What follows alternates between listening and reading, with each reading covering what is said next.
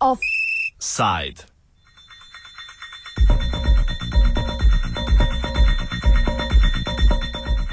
Prve ocene posledic dviga koncesijskih dajatev.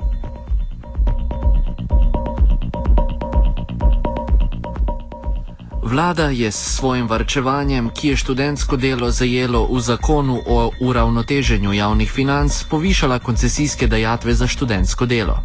Kdor dela preko študentske napotnice, teh dajatev sicer ne vidi, saj so urne postavke na napotnicah navedene v neto znesku. Po mnenju vlade pa so z novo zakonodajo bolj obremenili predvsem delodajalce in ne študente. Kljub temu ni nerazumno pričakovati, da bodo podjetja to finančno breme prenašala na študentovo urno postavko.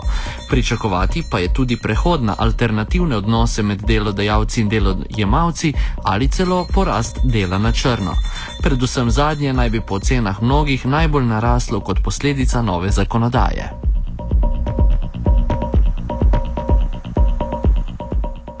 Pogovarjali smo se s tremi študentskimi servisi, od katerih vsak temeljiteje pokriva svojo regijo v Sloveniji. Spočetka prisluhnimo Nataši Zorec iz študentskega servisa Maribor, ki pokriva predvsem vzhodno regijo. Ali se urna eh, postavka študentov zaradi teh zvišanja koncesijskih datev kaj izmanjšala, po vašem opažanju doslej? Ja, opažamo, da se kar znižuje. Ja, podjetja pač glede na strošek dviga študentskega dela, potem pač posledično znižuje urne postavke. A, torej, ta prenos je, ta dvig desetih odstotkov se neposredno prenese na študentsko urno postavko? Ja, delno, ne, delno pač verjetno podjetja nekaj zniža urno postavko, tako da zvišanje potem delno krije študent, delno pa podjetje, ne. Kaj pa ali ste opazili zdaj v poletnih mesecih, kakšen upad povpraševanja po študentskem delu? Zdaj, če gledamo strani študentov oziroma naših članov, je povpraševanje vedno več študenti pač potrebujejo delo in pač iščejo potem tudi, ne. Podjetja pa malo manj, ne glede na to, da so dopusti, pač glede stroška študentskega dela, ker visok strošek in potem tudi posledično ne poprašujejo pač toliko po študentskem delu. Kako je v centralni regiji, nam razloži Saša Praček iz e-študentskega e servisa. Ali se urna postavka zaradi koncesijskih dajatev kaj zmanjšala z stališča študenta? Uh, ocenjujemo, da je večina podjetij ravnala odgovorno, pa da urnih postavk ni nižala. Torej niso prinašali teh bremen na študente? Ne, ne večina ne.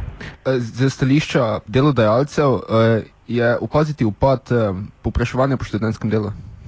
Ja, zdaj, glede na naše statistike, je junija uh, bilo 19% manj ponud za delo kot v primerjavi z majem. Za julija pa še nimamo končnih podatkov, ampak pričakujemo podoben trend. Ali gre to pripisati dvigu koncesijskih dajatev ali zgolj poletnim mesecem? Uh, bolj dvigu koncesijske dajatve. Zahodno regijo pa najpogosteje pokriva M študentski servis. Pogovarjali smo se z Markom Mikulinom. Zdaj, urno postavko se ne določa z neko tarifo in se oblikuje glede na ponudbo in popraševanje.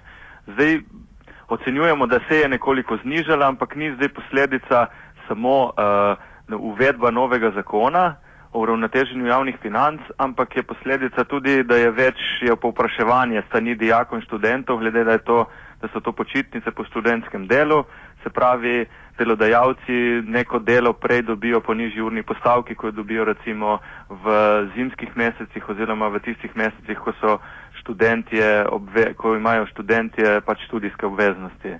Tako da zdaj učinke zakona bo, bo pa verjetno še čez kasen mesec, dva bojo bolj natančno vidni, kako so vplivali na urno postavko.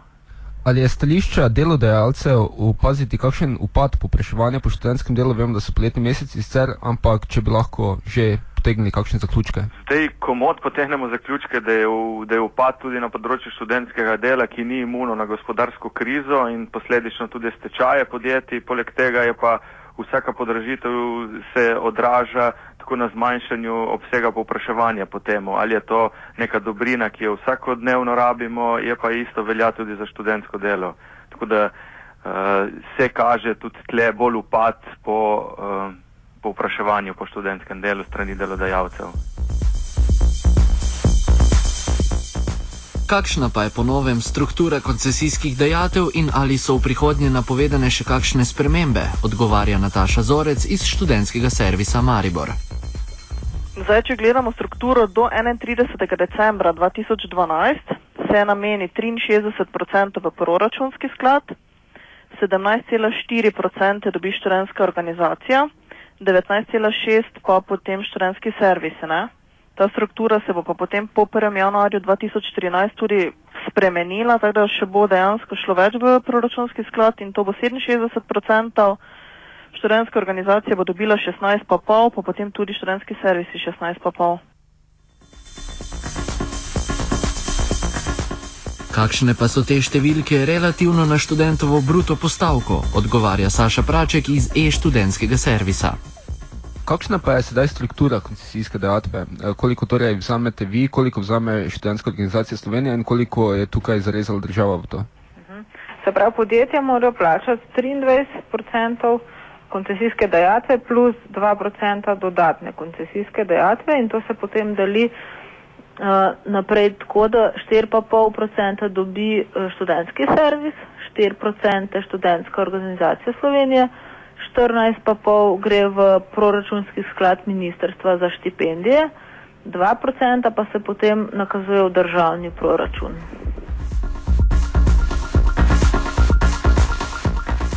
Posledice dviga koncesijskih dejatev potem takem še niso dovolj izrazite, da bi potegnili absolutne zaključke. Vendar le so se po izjavah sodeč urne postavke znižale, predvsem na perifernih območjih, najkonkretneje v vzhodni regiji države, medtem ko je srednje slovenska utrpela najmanjši upad.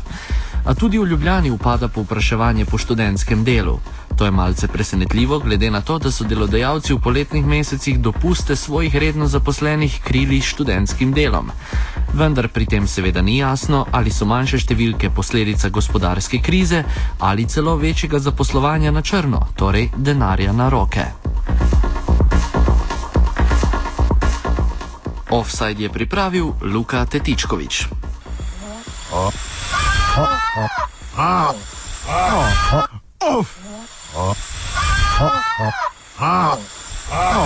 Offside.